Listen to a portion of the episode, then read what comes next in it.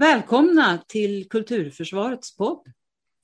Syftet med podden är att göra konst och kultur till en valfråga inför valet 2022. Jag som leder samtalet heter Ulla Bergsvedin, är frilansande skådespelerska, kulturdebattör och grundare av Kulturförsvaret. Varmt välkommen till dagens gäst, David Karlsson, idéhistoriker, förläggare, författare och en av grundarna av Nätverkstan i Göteborg. Välkommen! Tack så mycket. Tack. Vem är David Karlsson och vad arbetar denne mångkunnige man med för närvarande? Ja, tack för det. Var, du har ju redan presenterat mig lite grann. Jag har jobbat i kulturlivet på olika sätt som redaktör och skribent och förläggare och sånt där. På, i, jag har sysslat mycket med kulturpolitik, det ska vi prata om idag. Både lokalt och nationellt och lite internationellt och sådär. Och nu är jag i huvudsak bokförläggare, precis som du sa. Jobbar med ett litet förlag i Göteborg som heter Korpen och med ett lite, något lite större förlag i Stockholm som heter Tranan. Och det är väldigt roligt. Och vad är det för typ av litteratur ni... Tranan är översatt, översatt skönlitteratur, i huvudsak utomeuropeisk litteratur. Eh, Korpen är ett gammalt fint Göteborgsförlag som jag tog över för nu sju år sedan som är lite, vad ska vi säga, fantasifulla och vilda i sin utgivning och ger ut både skönlitteratur och politiska böcker och i någon osalig blandning. Mm. Och David då? Vem är han som person? Ja, som person vet jag inte. Ja, idéhistoriker, det är min bakgrund. Ehm, jag bor på en ö nära Kulturförsvarets poddstudio. Jaha. heter Björke i Göteborgs norra skärgård. Ehm, där de tre barnen är utflugna. Men hur, hur, eh, hur var vägen från den lille David till att du blev idéhistoriker då? Ja du, Nej, men jag läste, det känns ju som att detta är oändligt länge sedan, men jag hörde till liksom någon generation studenter som betraktade universitetet som en, res, en, en, resurs och läste sånt som jag var intresserad av och tyckte var viktigt och roligt och, och bedrev akademiska studier, först i Göteborg och sen i Lund. Och sen lite grann faktiskt i Tyskland, i Tübingen i södra Tyskland. Och, um, Eh, av dessa mm, intressedrivna studier blev det så småningom en redaktör och förläggare kan man väl säga. Mm -hmm. Fria studier bedrev jag, men med någon slags bas på idéhistoria i Göteborg. Där jag hade och har fortfarande, skulle jag säga, Sven-Erik Lidman som handledare som har varit väldigt stödjande genom hela min långa studietid. Och, och kulturen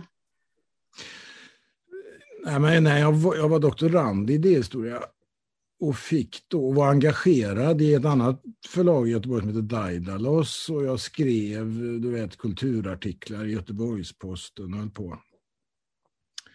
Och fick frågan om inte jag ville bli redaktör för tidskriften Ord och bild som mm. då relativt nyligen hade flyttat till Göteborg, från Stockholm till Göteborg. Eh, och då frågade jag min käre handledare Sven-Erik Lidman. nu har jag fått den här frågan och jag har ju precis fått en doktorandtjänst som det heter på universitetet. Vad ska jag göra nu? Och då sa Sven-Erik Lidman, det måste du ta. Mm. En sån fråga får man bara en gång i livet. Du, tackar du nej nu så får du inte den igen. Och avhandlingen, den skriver du samtidigt. och det ledde till att jag blev eh, ord och bild, redaktör för Ord och bild. Mm. Avhandlingen är fortfarande under arbete kan man säga. Den blev mm. inte färdig. Men jag är väldigt glad för det och jag kom in då liksom väldigt aktivt i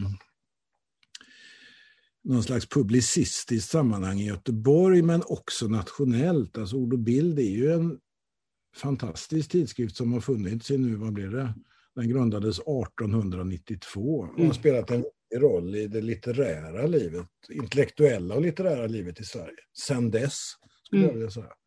Så jag kom in i, i något sånt där nationellt intellektuellt samtal, du vet. Mm.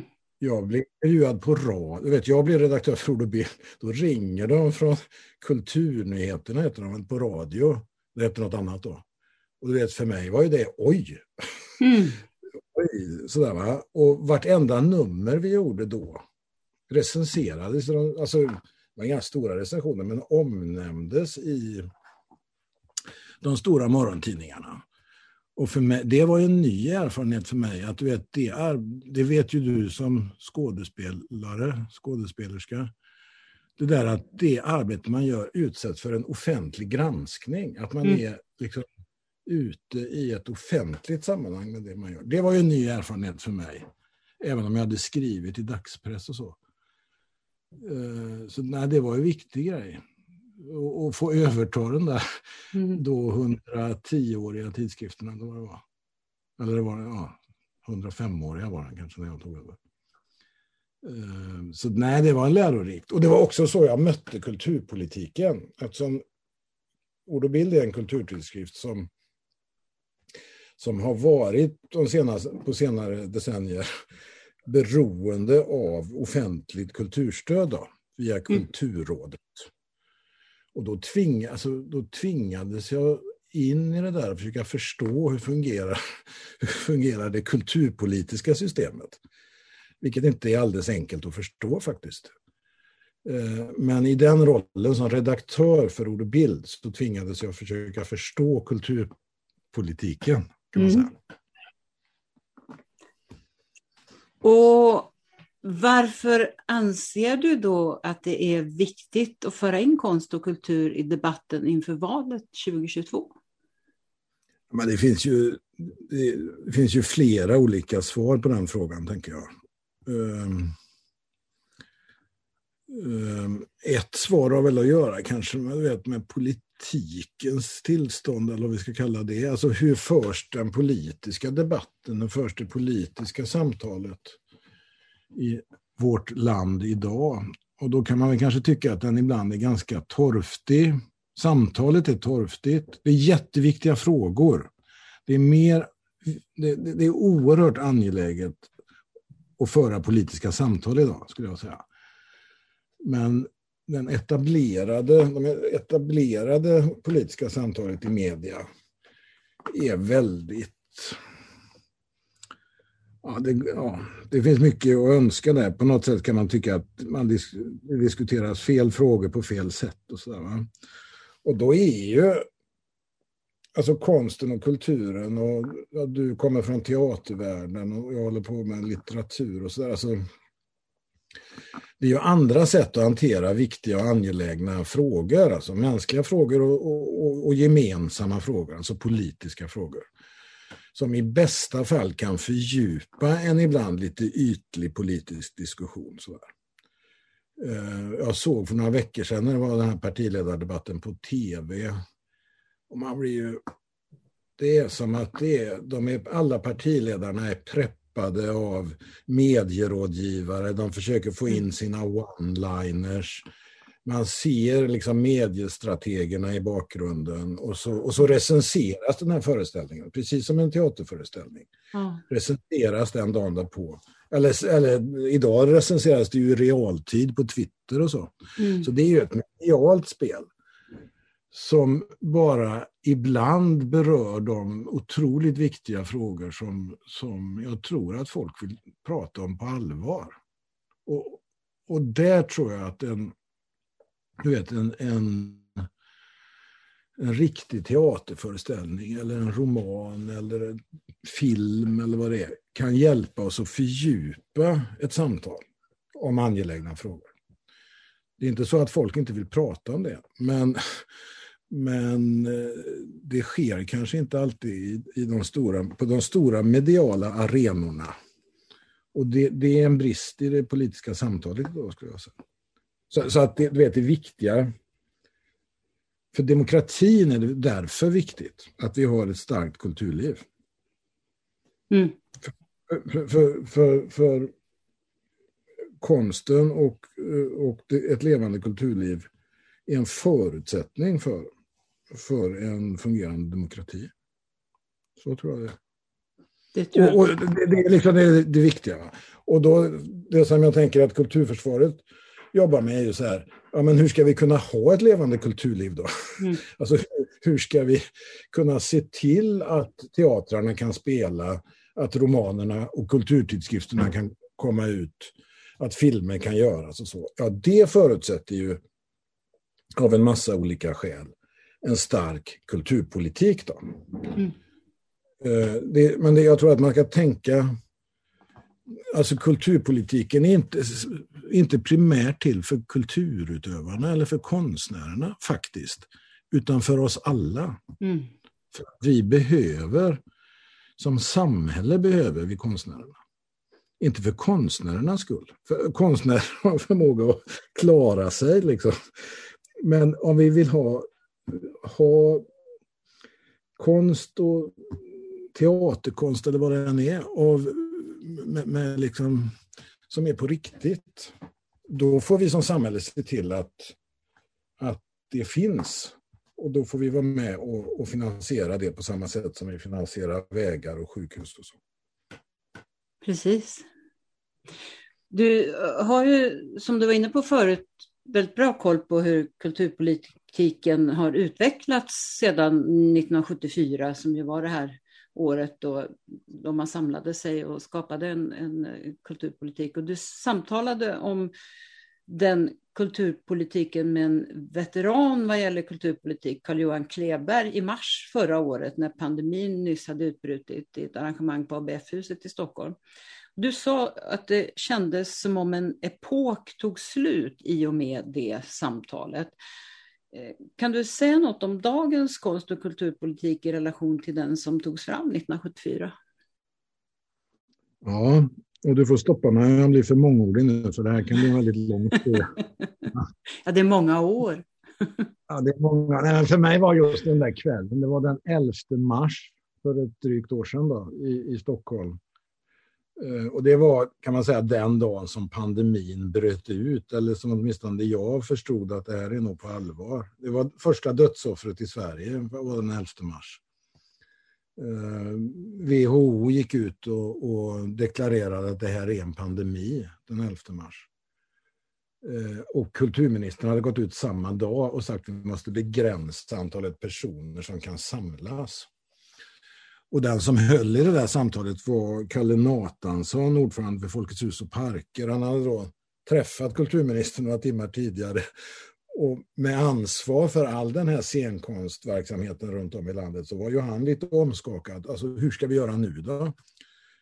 Och då var maxtaket satt eh, den dagen till 500 personer. Mm. Och redan det skakade ju om liksom Folkets hus och parkers alla, alla planerade grejer.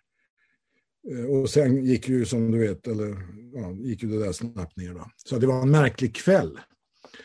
Men då var det två herrar som presenterade en bok om svensk kulturpolitik. 90 respektive 80 år gamla. Mm. Veteran, som du sa, veteraner i, i, i det svenska kulturpolitiska systemet. Carl-Johan Kleberg och Torbjörn Forsell. Eh, som båda spelade en rätt viktig roll när den svenska moderna kulturpolitiken föddes då i, i början på 70-talet. Eh, på, departement, kulturdepart, eller på departementet som då inte var ett eget kulturdepartement, men de satt på departement och sen på olika myndigheter och sådär. Så de var verkligen med och skapade det som kulturbyråkrater brukar kalla 74 års kulturpolitik. Mm. Eh, och nu hade de samlat sig till en dokumentation av svensk kulturpolitik från 74 fram till idag. En bok på 400 sidor. Så den pratade vi om den kvällen. Och för mig kändes det väl kanske redan när vi satt där som att nu, det här är ett, nu är det ett kapitel som, som, vi som avslutas.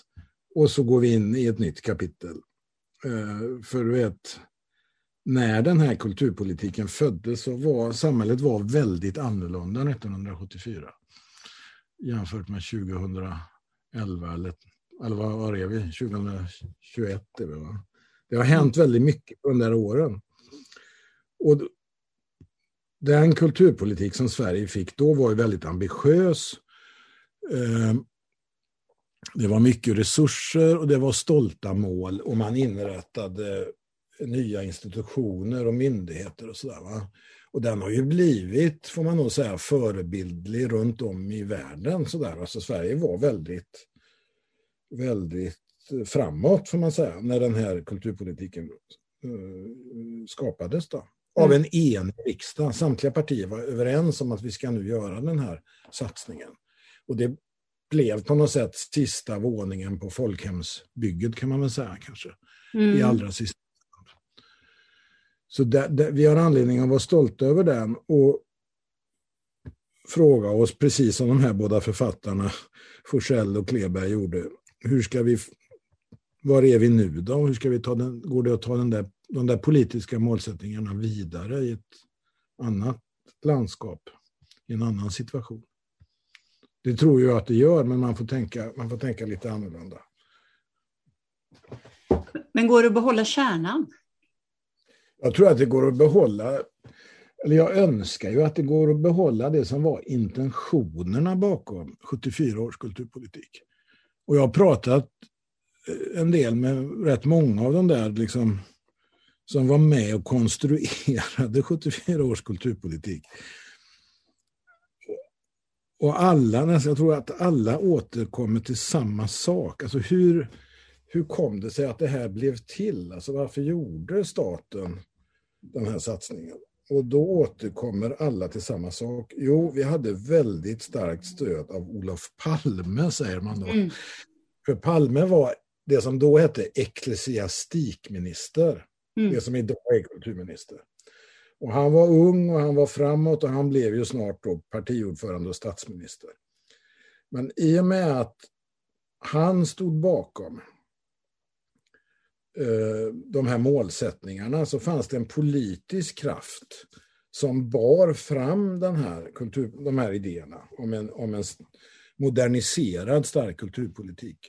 Och som fick riksdagen då att i ett antal beslut ställa sig bakom, en enig, samtliga partier ställde sig bakom de här idéerna. Eh, så man hade väldigt stark politisk uppbackning. Eh, i riksdagen nationellt och, och, och sen byggde man ju ut en, en, en, struktur av regionala kulturinstitutioner mm. mer systematiskt än tidigare. Många länsteatrar tillkom och så. Eh, så att det var en stor satsning och du vet, den kom att administreras då. 76 var det ju borgerlig valseger och vi fick en borgerlig kulturminister som liksom stolt vidareförde, eller liksom byggde, byggde upp de här strukturerna. Va? Så det var ingen partiskiljande fråga då. Men man ska väl också komma ihåg att ecklesiastikdepartementet innehöll utbildning?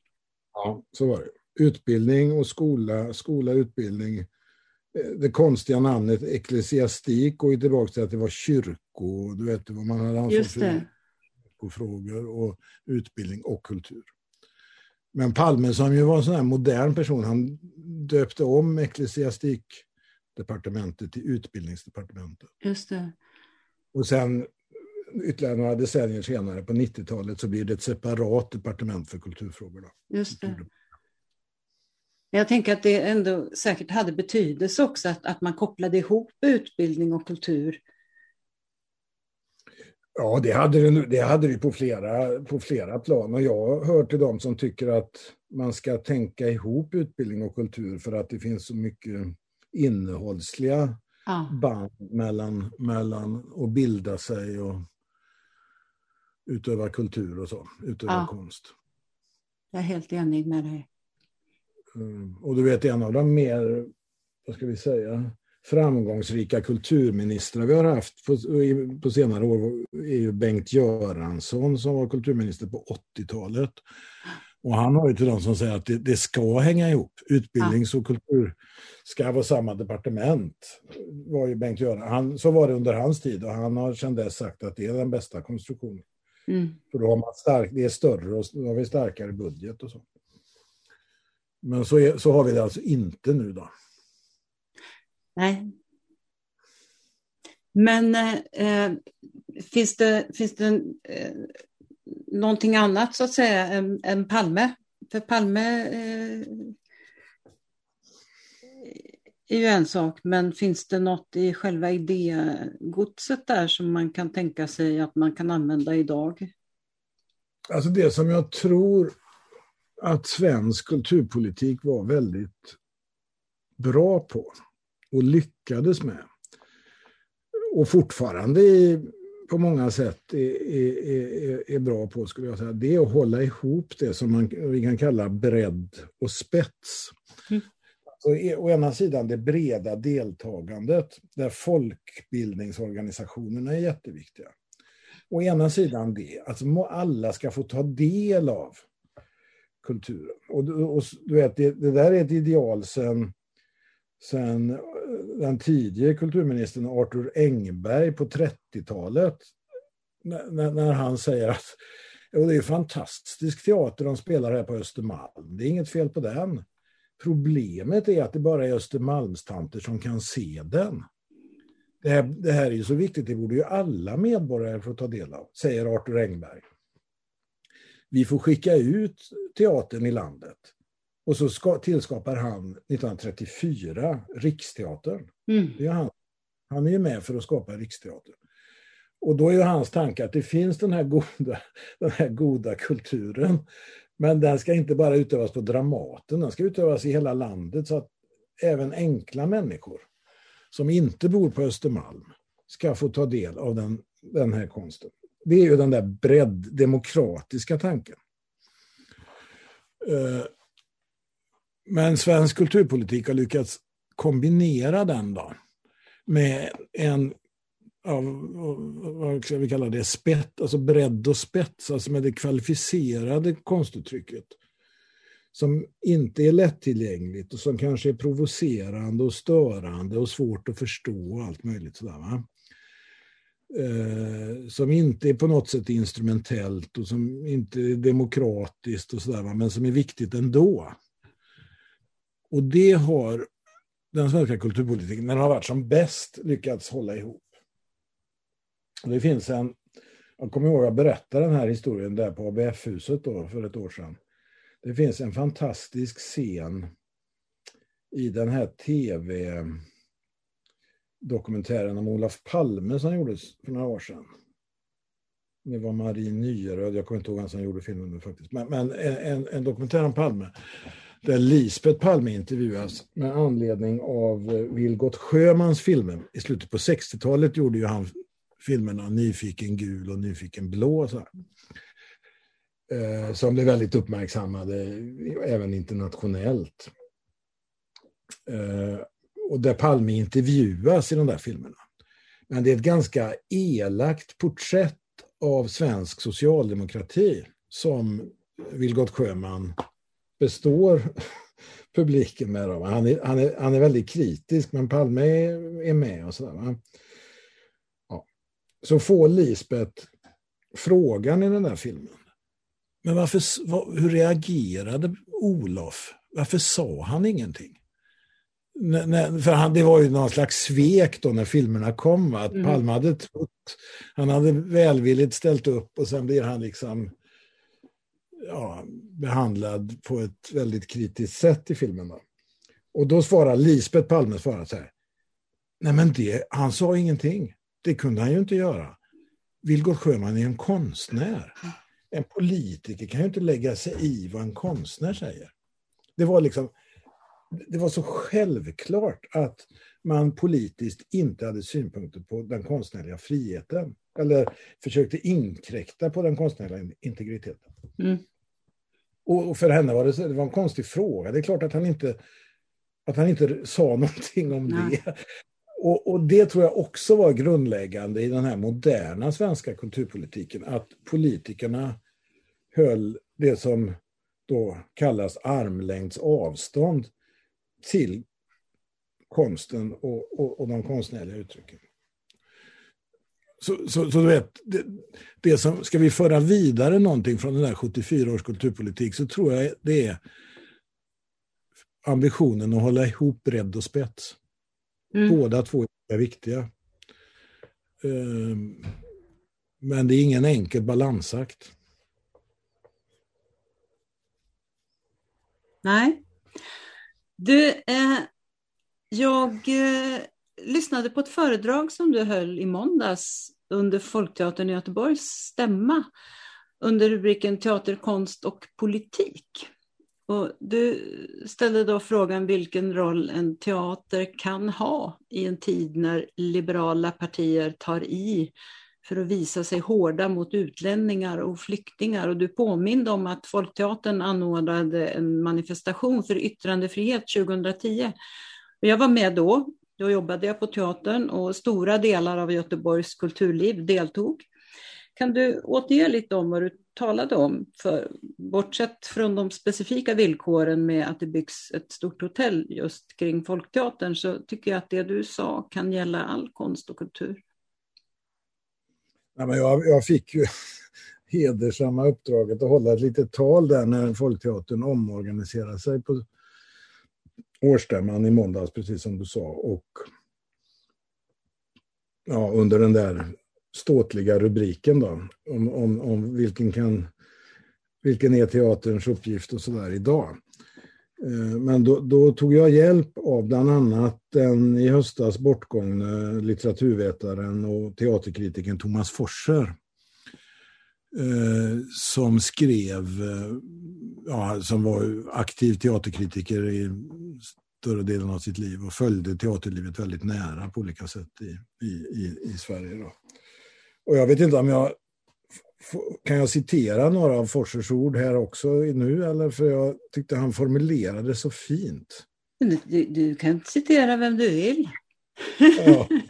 ja men han skrev, för jag var med och gav ut en bok med samlade en liten del av Thomas Forsers produktion, eller dagstidningskritik i höstas i samband med att han var sjuk.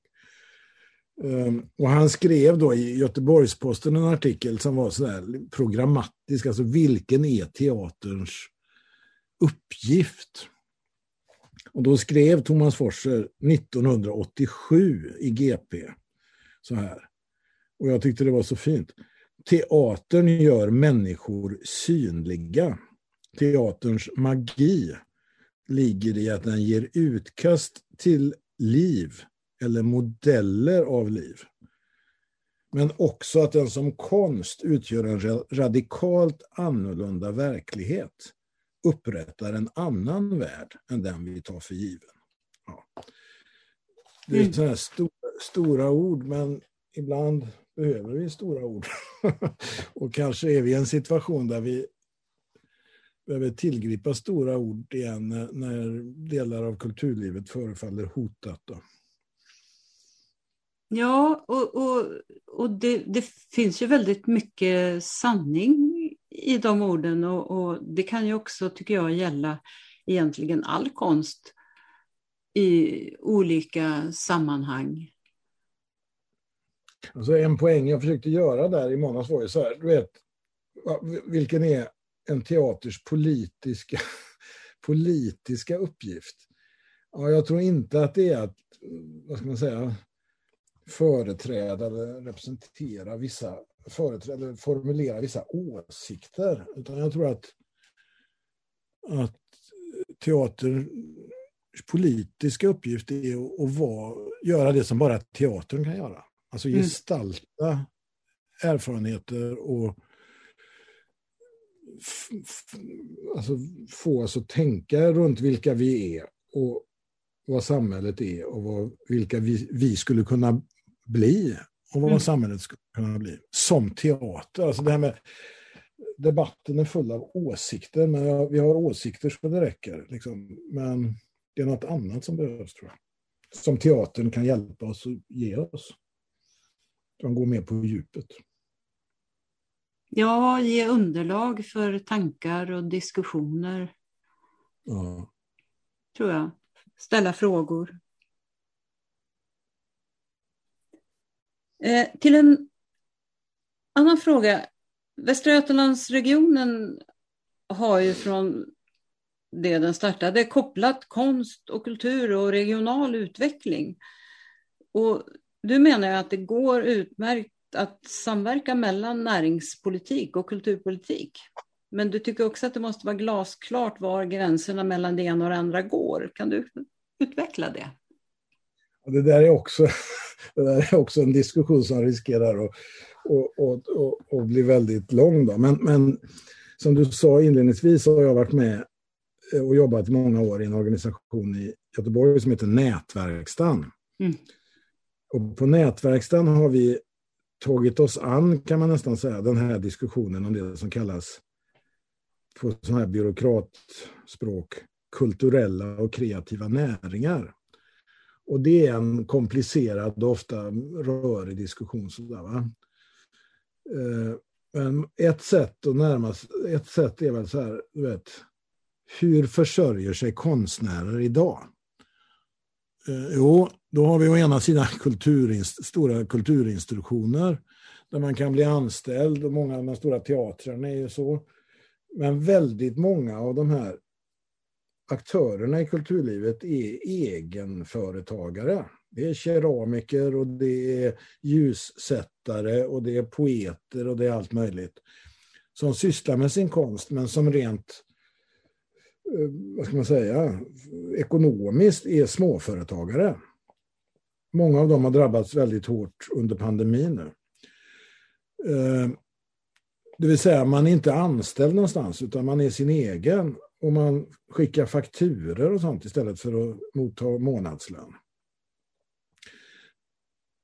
Det, har vi, det sysslade vi väldigt mycket med på nätverken, och det gör fortfarande. Och skrev någon rapport för länge sedan som hette Den ofrivillige företagaren. För att många av de här vill inte vara liksom småföretagare utan de ville vara ljussättare eller frilansskådisar eller, eller, eller poeter. Men av olika praktiska skäl så, så, så drev man sin verksamhet i företagsform. Och då har vi på olika sätt på nätverkstan försökt hjälpa till med det där och underlätta. Du vet, alltså hur, ska man, hur gör du detta, detta smartast och så. Ja?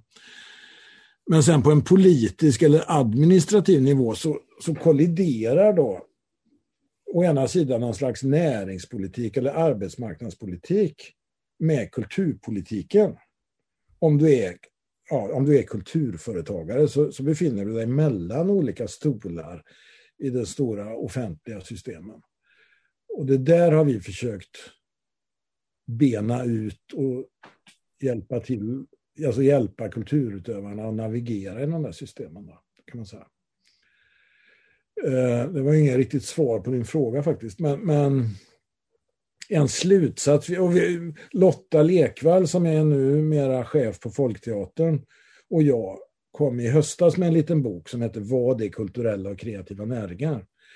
Där vi försöker bena ut just det som du frågade om. Alltså vad är skillnaden på näringspolitik och kulturpolitik och sådär. Så jag har genom åren fört många diskussioner med politiker och tjänstemän om de här frågorna. Och det blir rätt ofta rätt röriga diskussioner och många missförstånd. Och vi, vi hade någon sån här paroll när vi jobbade som mest med detta som var att man måste kunna översätta mellan olika språkbruk. Eh, för det är inte alltid en näringslivsrådgivare och en poet hittar varandra sådär över skrivbordet. För man pratar så olika språk. Mm. Ehm, så, så vi har försökt eller för, ja, vara någon slags översättare och tolkare i de där sammanhangen. Då. Eh, vilket är väldigt intressant. Väldigt, eh, jag tycker det har varit väldigt intressant och lärorikt. Så. Men man vill ju gärna så att säga att eh, eh, kulturen ska vara entreprenöriell som det heter och man vill jag vet att jag talade med näringslivschefen här ute på Öckerö och mm. ville tala om eh, bara vad jag har att erbjuda och eh, då fick jag till svar att ni är så besvärliga för att ni är inte kommersiella. Och då sa jag, jo då, jag är väldigt kommersiell. Jag vill gärna ha betalt när jag jobbar, men det är sällan någon som vill betala mig.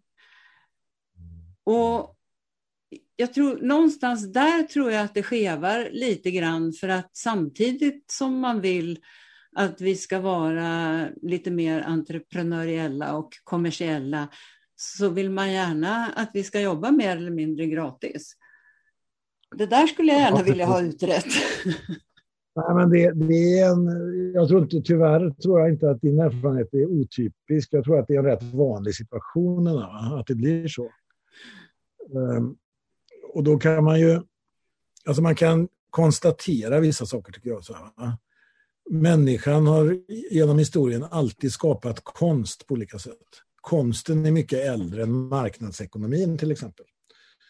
Men, men när, när, när, marknadsekonomin eh, drar igång, eller vad vi ska kalla det, eller någon slags kapitalistisk utveckling på 1800-talet och så, så, så kommer en del kulturverksamheter också att organiseras som företag så småningom, framförallt på 1900-talet. Mm.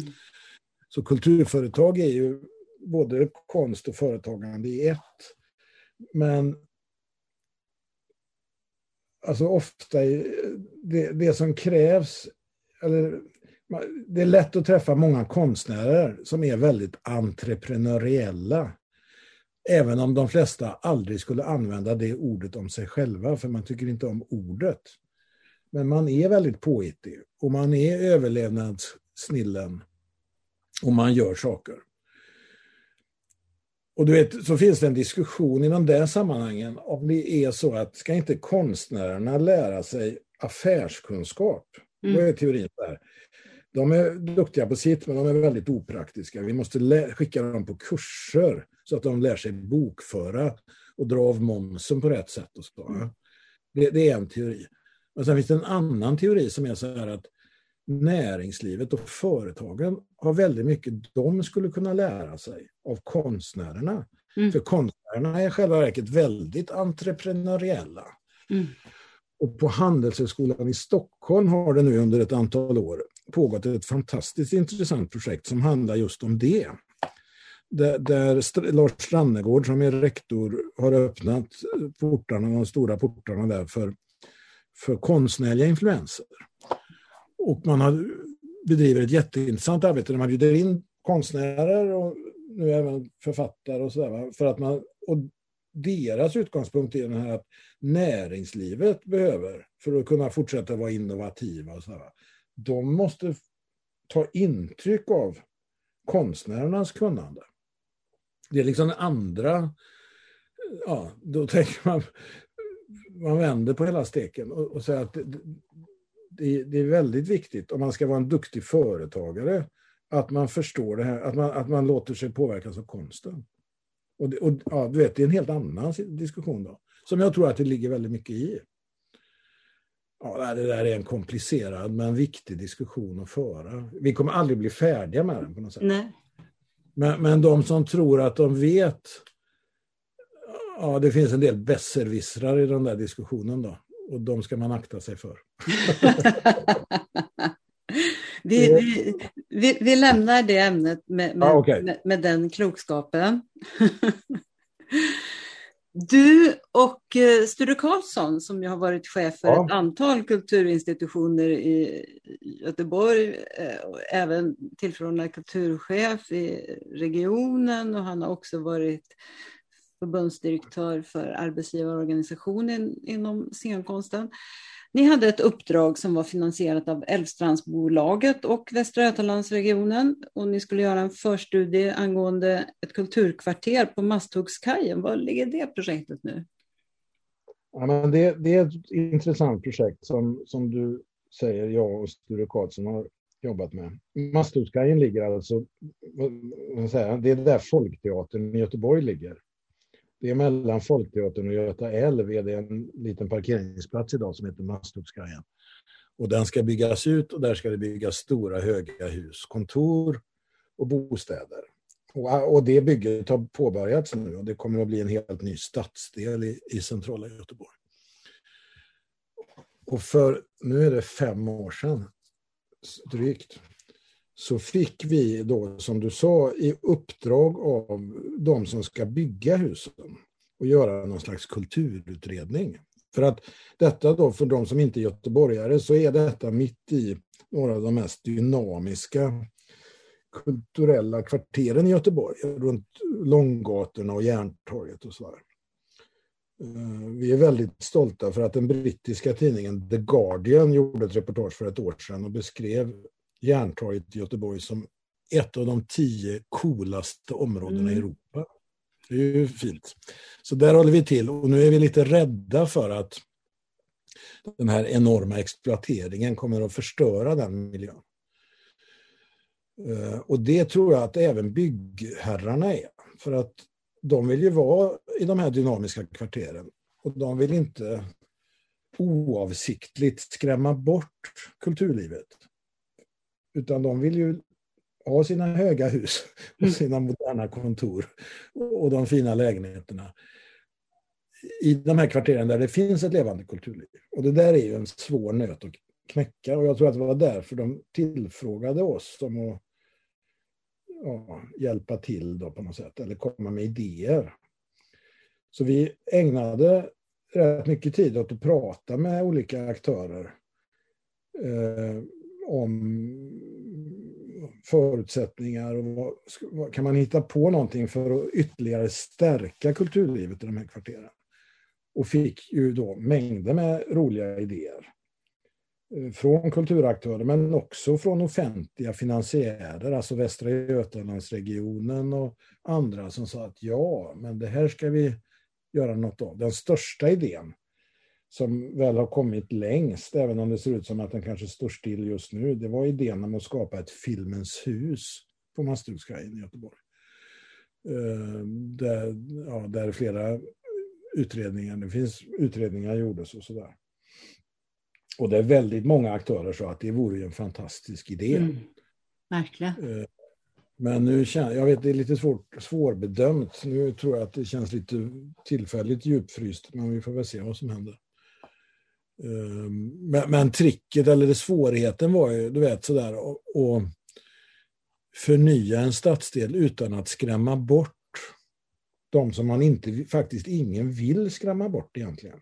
Men, men där risken finns. Och, och, i slutändan handlar ju detta som nästan alltid om ekonomi. Då. Det kommer att bli mm. väldigt höga hyror i de nybyggda husen för att de är dyra att bygga. Och kommer det då föra med sig det som man kallar en, en ofrivillig gentrifiering som gör mm. att det, det är 7-Eleven och advokatkontor istället för kulturtidskrifter och teatrar. Det är det som ingen egentligen vill, tror jag. Men det är naturligtvis en risk. Um... Nej, för Lagerhuset där ju nätverkstan bland annat befinner sig och många andra kulturverksamheter. Det har ju varit i farozonen med eh, hyreshöjningar ja. under flera tillfällen och där du verkligen har varit drivande för att försöka förhindra det. Ja, Lagerhuset som du säger, så där, där då en massa kulturtidskrifter och små förlag och kulturverksamheter finns och som är granne med Folkteatern och ligger på Masthuggskajen ägs av det kommunala fastighetsbolaget Higab. Och vi har genom åren haft diskussioner, vi har fortlöpande diskussioner med Higab. Ibland har vi bråkat, nu har vi rätt goda relationer och eh, uppfattar nog att Higab gärna vill att, att vi ska finnas kvar i huset. Då. Um, men det, ja.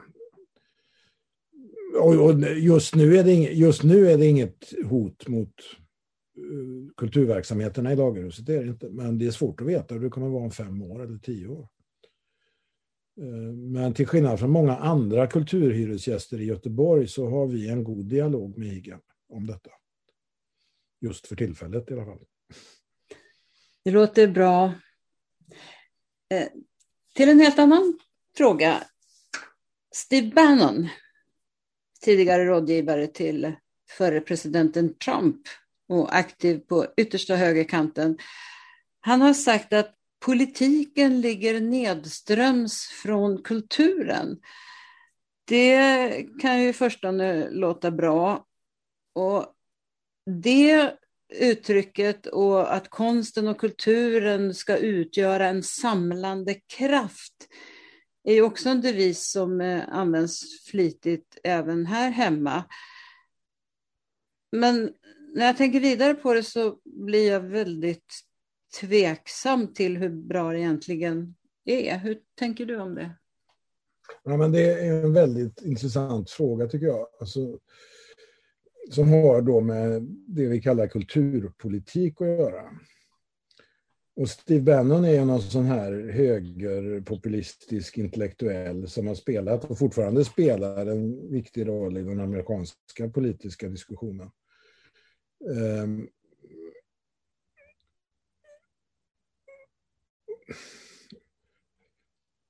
jag gav ut, jag ska göra en liten utflykt för att komma tillbaka till Bannon. Jag gav ut på Korpen för några år sedan en, en intressant bok av sociologen Göran Dahl i Lund. Som skrev en bok som heter Folk och identitet som handlar om de här frågorna. Och Göran Dahl är expert på 1900-talets högerradikala filosofer, eller man kan säga, i Tyskland och i Frankrike. Och han har skrivit, forskat och skrivit mycket om den konservativa revolutionen i Tyskland 10-20-talet. Då ett antal intellektuella författare och filosofer formulerar en filosofi som kommer att liksom flytta in i det nazistiska styret, det nazistiska maktövertagandet och fortfarande i liksom högerextrema kretsar fortfarande är väldigt levande.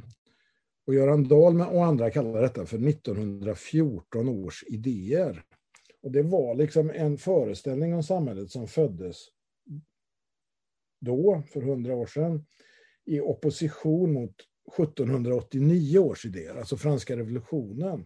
Och franska revolutionens idéer om jämlikhet, frihet, solidaritet.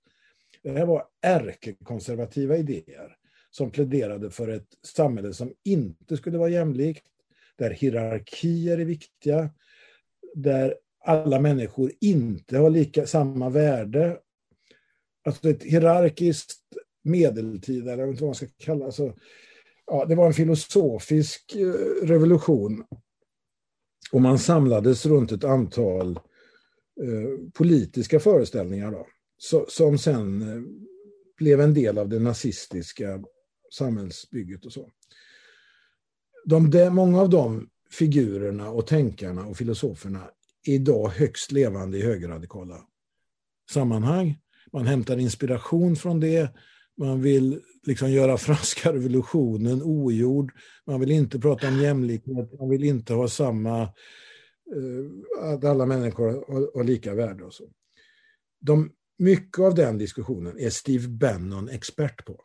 Mm det är den typen av idéer som han attraheras av, eh, som han sprider. Eh, och, och, och Göran Dahl i den där boken, han visar hur det finns liksom eh, hur det hänger ihop från den här konservativa revolutionen, filosofiska strömningen i Tyskland för hundra år sedan och dagens högerextremism. Och i, i, I det dramat spelar Steve Bannon en huvudroll i USA. Och så finns det ett antal andra tänkare och figurer, inte minst i Sverige. Eller, alltså, svenska bokförläggare och svenska organisatörer spelar en stor roll i, att, i den här högerextremismens intellektuella renässans, eller vad vi ska kalla det. Detta skriver Göran Dahl om och detta och han har förstått, liksom, han visar på hur det där hänger ihop. Och då mot den bakgrunden förstår man vad det är Steve Bannon håller på med. Och hans tanke är ju så här att kan vi förändra kulturen, mm. då är de politiska förändringarna, då kom, kommer de att följa av sig själva. Då, vi, inte, vi ska inte fokusera på parlament, parlamentariska beslut än, utan vi ska, vi ska förändra värderingarna i samhället. Mm. Och det är det som är så obehagligt tycker jag. Och det var det jag citerade det där lilla talet på Folkteatern som du hänvisar till. Alltså när etablerade politiska partier skryter med att man har en hårdare flyktingpolitik. Alltså jag kan förstå att det finns praktiska skäl till att ha en hårdare flyktingpolitik. Men när man är stolt över det, det är något helt annat. Mm. Då, är det, då skickar man signaler som säger att de här människorna vill inte vi ha här. Mm. Och det är en väldigt, o, det är en väldigt otrevlig förskjutning i det politiska samhället. Och när man ser det ske, då tänker man den jävla Steve Bannon är på väg att få rätt. Jag tror inte att det måste gå så illa. Men det är just exakt den typen av förskjutningar Mm. som han syftar på när han säger att kulturen ligger uppströms politiken. Mm. För kan vi få tillräckligt många svenska medborgare att tycka att vi tycker det är bättre med blonda människor som, som du och jag än med, med sådana som inte hör hemma här. Ja. Vi vill inte ha dem tycker Kan man åstadkomma en sån värderingsförskjutning, då är politiken, den bara för, den bara, det, det, det kommer att gå jättelätt sen. Så, så det, och, och det är därför som de här högerextremerna talar i termer av kulturkrig.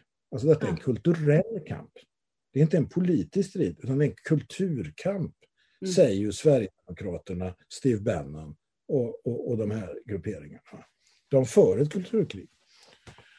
Eh, och det, det- detta är ytterligare ett svar på frågan varför, varför kulturpolitiken är så viktig Mm. idag. Eh, för den av kulturpolitiken av traditionellt svenskt märke är ju att alla människor ska få ta del i, i, i, i- av kulturen och få vara aktiva deltagare i kulturlivet och skapa själva och så. Mm. Och det är viktigare än någonsin. Eftersom högerextremisterna har börjat föra en kulturkamp så kan vi inte ge, vi kan inte lämna walkover eh, till dem. Då, som vill förbjuda vissa konstnärliga uttryck och dra ner på anslag till samlingslokaler. Alltså man är väldigt målmedveten. Ehm, Det är en väldigt målmedveten strategi som Sverigedemokraterna har eh, planerat alltså i, i årtionden. Alltså de, man, man, man ska inte underskatta det strategiska i detta. Nej, jag tror Och- också och att du det är väldigt väl förberett. Nej, men för, förlåt, men, men du vet, dagen innan det amerikanska presidentvalet så skrev Mattias Karlsson, Mm. eh, nu någon slags chefsideolog för, för SD, en debattartikel i Dagens Nyheter som gick ut på att det är väl inte så dåligt om Trump vinner. Mm. Du, alltså, man, man är oerhört strategisk. Så då, det var ju fullt möjligt att Trump skulle vinna. Mm. Och då hade SD positionerat sig perfekt för att fördjupa sina kontakter med Steve Bannon och sådär. Va? Så, så du vet.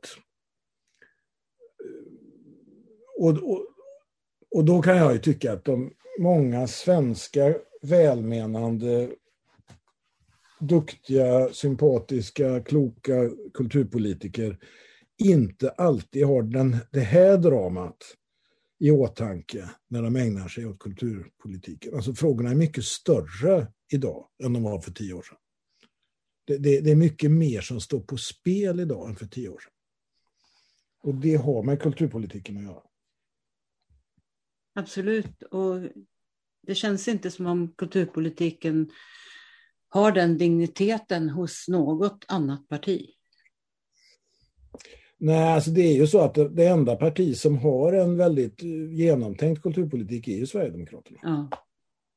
Då, och man kan- till och med säga så att Sverigedemokraternas hela, polit, hela politik är en kulturpolitik. Ja.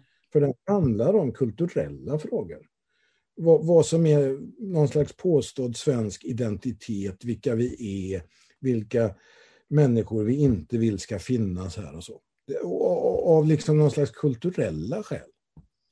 Det är det som är så deras- märkligt också. ekonomiska, deras ekonomiska politik har ju svajat hit och dit och nu är de väl någon slags högerparti, men det var de ju inte för fem, sex, de var ju, försökte ju appropriera, reclaima sossarnas folkhemspolitik och så.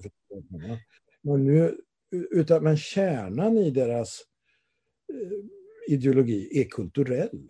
Det är ju så det är. Ja, man kan säga, de, de bråkar om att andra partier bedriver identitetspolitik, men är det några som bedriver identitetspolitik är det ju de. Exakt så, precis så. De är ju identitetspolitiker. Ja. Det är det de är, de är inget annat. Och, och det, det titel på den där Göran Dahls bok är Folk och identitet. Han kallar detta Mm. identitära rörelser. Ja. Det är, det är liksom kampen om identiteten Mm. som står i centrum. Och då är tyskar annorlunda än slaver. Tyskar är annorlunda än judar. Svenskar är annorlunda än judar. Svenskar är annorlunda än samer. Svenskar är annorlunda än afghanska pojkar. Det är kärnan i SDs politik. Och det är en kulturell föreställning. ja. Ja. Ja, det Jag blir kanske lite för engagerad för din ohyggligt podd. eh, Men- oroande. Nej, jag tycker inte alls att det är någonting som är för eh, vare sig engagerat eller det, det ja, nej, jag tycker att vi ska vara djupt eh, oroade och eh, engagera oss mycket mer i vad det där handlar om, för det är det som är, tror jag, är där striden måste stå inför nästa val. Och då är liksom de här, ja, precis. Och då är kanske inte alla beredda på att det här kriget pågår just nu. Alla kulturpolitiker ser det kanske inte riktigt på det sättet. Och framförallt inte övriga politiker. Nej. Eh,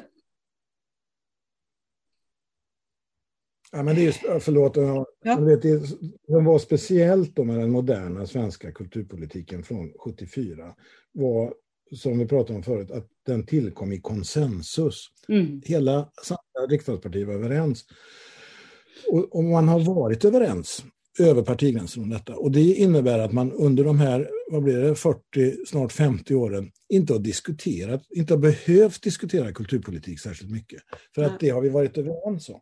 Mm. Och nu har vi en situation där ett parti ifrågasätter hela kulturpolitiken.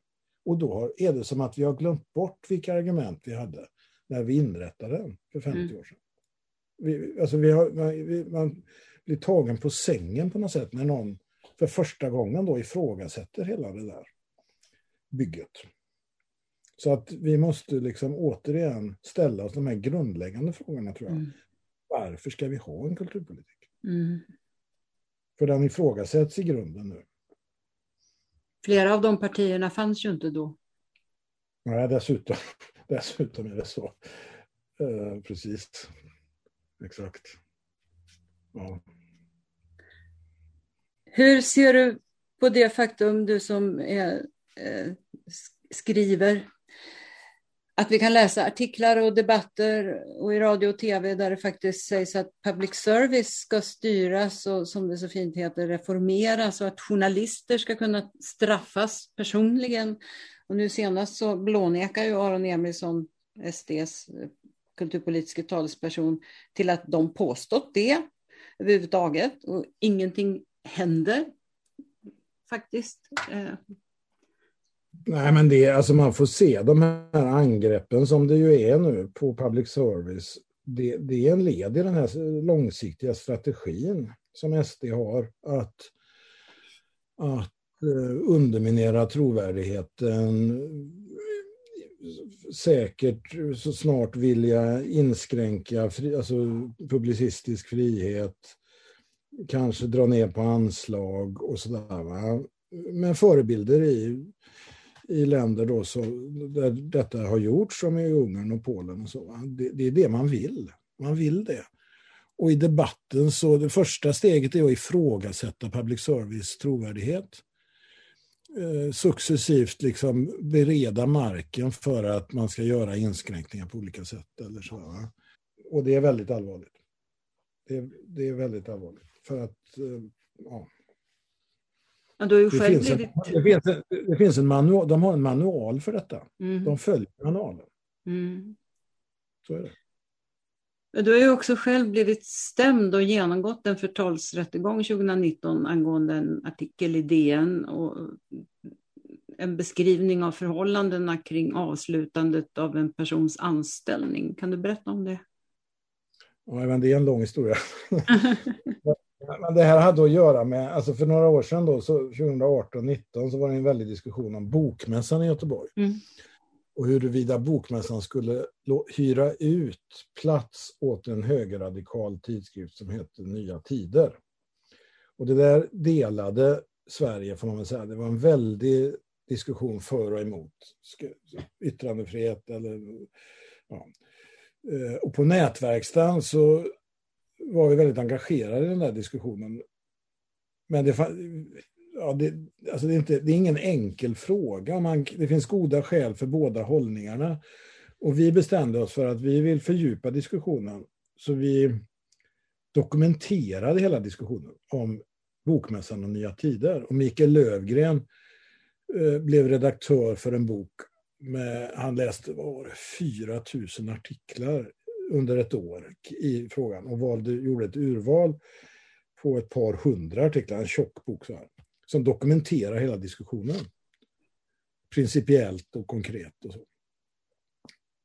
Och i den boken skrev jag en text, en ny text.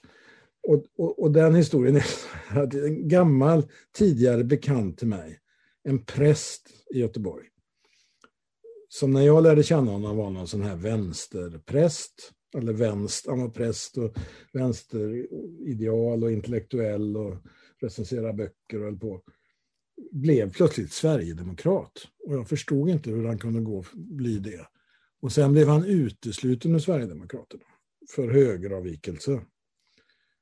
Och jag försökte i flera år undvika honom, men sen bestämde jag mig för att det går inte, jag vill prata med honom. Så jag gjorde en intervju med honom och ställde frågor och så, men hur kom, ja, jag ville veta hur han kunde bli högerradikal. Vad, vad, vad var det som hade gjort det? Eh, så jag intervjuar honom och han, det visste jag, han var central i, i det här med Nya Tider. Det var hans idé, hävdar han, och jag tror han har rätt, att Nya Tider skulle vara med på Bokmässan. Så när jag träffar honom är han ju jättenöjd. För Nya Tider har ju liksom vunnit på detta. De har blivit oerhört uppmärksammade. Och skulle ju vinna vare sig de fick vara på Bokmässan eller inte så hade de vunnit. Och han, han är ju jättestolt över att ha ställt till med det här rabaldret. Och jag pratar i tre timmar med honom och spelar in och grejer. Eh, och sen publicerar jag delar av den där intervjun då i, i våran bok. Och, gör någon slags analys, eller jag vet inte vad jag ska säga att jag gör, men jag, jag, diskuterar de här frågorna principiellt. Och det är klart att han framstår kanske inte i så god dager då, för jag berättar vad han har gjort och jag försöker porträttera honom. Och han får läsa alla sina citat innan, sådär som man ska göra. Men han blir arg. Och vi trycker boken och den ska presenteras på Bokmässan som börjar en torsdag. Och på torsdag morgon, och, och, och dag, som du säger, Dagens Nyheter eh, publicerade delar av min text också eh, samma dag, tror jag det var, som Bokmässan öppnar. Så att det är ett uppslag i DN som innehåller den här intervjun med den här personen. Eh, och han blir arg och på morgonen, vi är på väg till bokmässan, så får vi ett brev från honom som säger att det här är ärekränkning, det är sakfel, jag kommer att stämma er om ni inte genast drar in upplagan av boken. Och då har vi en diskussion om detta på morgonen och bestämmer oss för att eh, det gör vi inte, utan vi fullföljer detta. Och har då en paneldiskussion på mässan om boken, där bokmässans chef är med och ett antal kloka personer. Och den här eh, kränkta prästen sitter på första bänk och lyssnar och är med. och så va? Eh, men vad jag skriver och som han säger är fel eh, är jag skriver att han är avsked, en avskedad präst. Det var inte helt arbetsrättsligt korrekt, för att han var aldrig avskedad, utan han hade blivit ja, på olika sätt omflyttad och sådär. Men sen nästa svårighet är ju då när han går vidare med sin stämning och då, och, ja, då blir det en fråga. Och han kräver då ett skadestånd på 25 000 kronor. Och det kan man tycka är mycket pengar, men på ett sätt är det inte särskilt mycket pengar för att slippa en rättegång. Sådär, va? Så på nätverksdagen så vänder vi och vrider på detta. Hur ska vi göra nu då? Men mm. bestämmer oss för att ta striden. Inte minst av det skälet att den här stämningen ingick i ett mönster av liknande stämningar av samma, samma advokat som min förre bekant anlitade hade agerat i ett antal liknande rätts, eller stämningar mot journalister, mot författare och sagt att skicka hit 25 000 kronor eller ungefär i den storleksordningen, annars kommer vi att stämma. Och ett antal personer hade gjort det. Mm. Så att det var ett mönster eh, att med juridiska medel komma åt folk som granskade extremhögern kan man väl säga. Och vi pratade ju med jättemånga människor och hade väldigt gott stöd av kloka personer och sådär. Men tack vare nätverkstan som backade, ja, så, så, som jag, ja, vi, vi bestämde oss för att vi, vi låter detta prövas rättsligt. Mm. Och jag, han förlorade på alla punkter och fick betala rättegångskostnaderna. Mm. Så att den striden vann ju jag och vi då. Och det var ju skönt. Eh, men du vet, effekten hade annars blivit, jag, jag, jag, väljer att skriva om något annat. För det är för stora risker. Jag vill mm. inte hamna i rättssalen. Eller jag vill inte riskera att behöva betala massa pengar. Och så. Men som sagt, vi vann den striden. Det var ju väl. Ja. Men det, det är ändå en signal om vad som... Ja, det var, väldigt, det var ju en väldigt lärorik och intressant men också obehaglig upplevelse faktiskt. För ja, det är klart. Man ser liksom hur de där tentaklerna eh, hänger, alltså rottrådarna hänger ihop och sådär. Och jag hade ju då god hjälp av den där boken jag nämnde av Göran Dahl om, om höger, alltså de högerradikala intellektuella sammanhangen och så. Mm. Det här, det, jag förstod ju en del som jag inte hade förstått innan. Mm. Då har jag en avslutande fråga. Mm. På vilket sätt och av vilka anser du att konst och kulturpolitiken bör debatteras inför valet 2022? Så att det som står i alla de här vackra kulturplanerna blir tydligt. Att konst och kultur är viktigt för såväl samhälle som medborgare. Jag skulle önska, vet du, om man får önska sig något i podden. Önska på. det skulle jag önska, för jag tror ändå att många av de här politikerna, partiledare olika, i olika partier och så, kanske är, alltså det, det är bra och ansvarskännande och duktiga människor som lite för mycket låter sig ledas av sina mediestrateger. Om de kunde prata lite mer sådär bara ärligt om vad konsten har betytt för dem.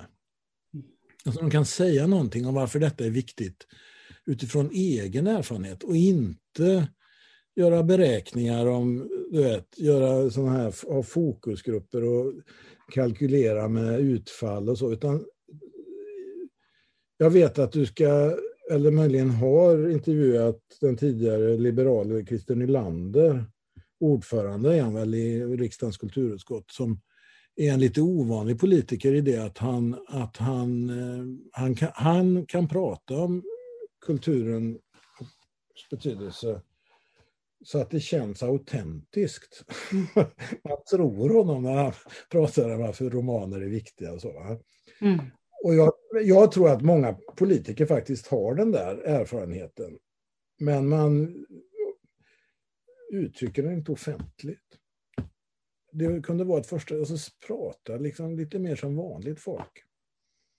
Och så, alltså, ta, ni får ta lite risker då. Men, men för, för, att det är ju också så att du vet, det konstnärliga och kulturella är också, det måste på något sätt vara subjektivt och personligt för annars blir det inte på riktigt. Och det gjorde, alltså man, det var sista frågan, så jag ska inte, men, men du vet om man läser, jag citerade också Tage Lander på, eh, här i måndag på den här folkteatergrejen. Och läser man Tage Landers dagböcker så ser man hur ofta han gick på teater. Mm. Han skriver om det och du vet det flödar in i hur han tänker han läser romaner och, och sådär. Va? Han lever i, i, vet, i ett kultursammanhang och, och det påverkar naturligtvis hans politik och hans politiska agerande. Det tror jag inte landet berätta, pratade så mycket om då, men när man läser dagböckerna ser man hur han gjorde. Och du vet, kunde man knyta ihop, alltså, kunde man knyta ihop det där lite mer så tror jag att det skulle inge förtroende hos vanligt folk. Det tror jag. Ja, det hade varit fint att få höra. Ja. Men gå för strunta i liksom kommunikationsavdelningarna utan prata på riktigt. Mm. Så tror jag. Verkligen. Nu kommer ju tyvärr Christer Nylander att äh, lämna riksdagen. Ja. ja, men det är sorgligt. Jag, jag, jag har bara stött på honom som kulturpolitiker, men jag har uppfattat honom som en väldigt hederlig kulturpolitiker. Också i det att han, att han talar liksom på ett autentiskt sätt. Verkligen. Stort tack David för att tack. du ville medverka. För att jag fick vara med. Och tack för att ni lyssnade. Den som vill veta mer om Kulturförsvaret, om kommande poddar, kan gå in på kulturförsvaret.se. Poddarna hittar ni på sidan och där poddar finns. Och om ni vill gå med i vår Facebookgrupp så är det bara att gå in och ansöka om medlemskap. Gruppen är öppen för alla som är intresserade av konst och kultur och tycker att det är viktigt att konst och kultur och fri press och media diskuteras på samma villkor som andra politikområden inför valet. Tack och på återhörande!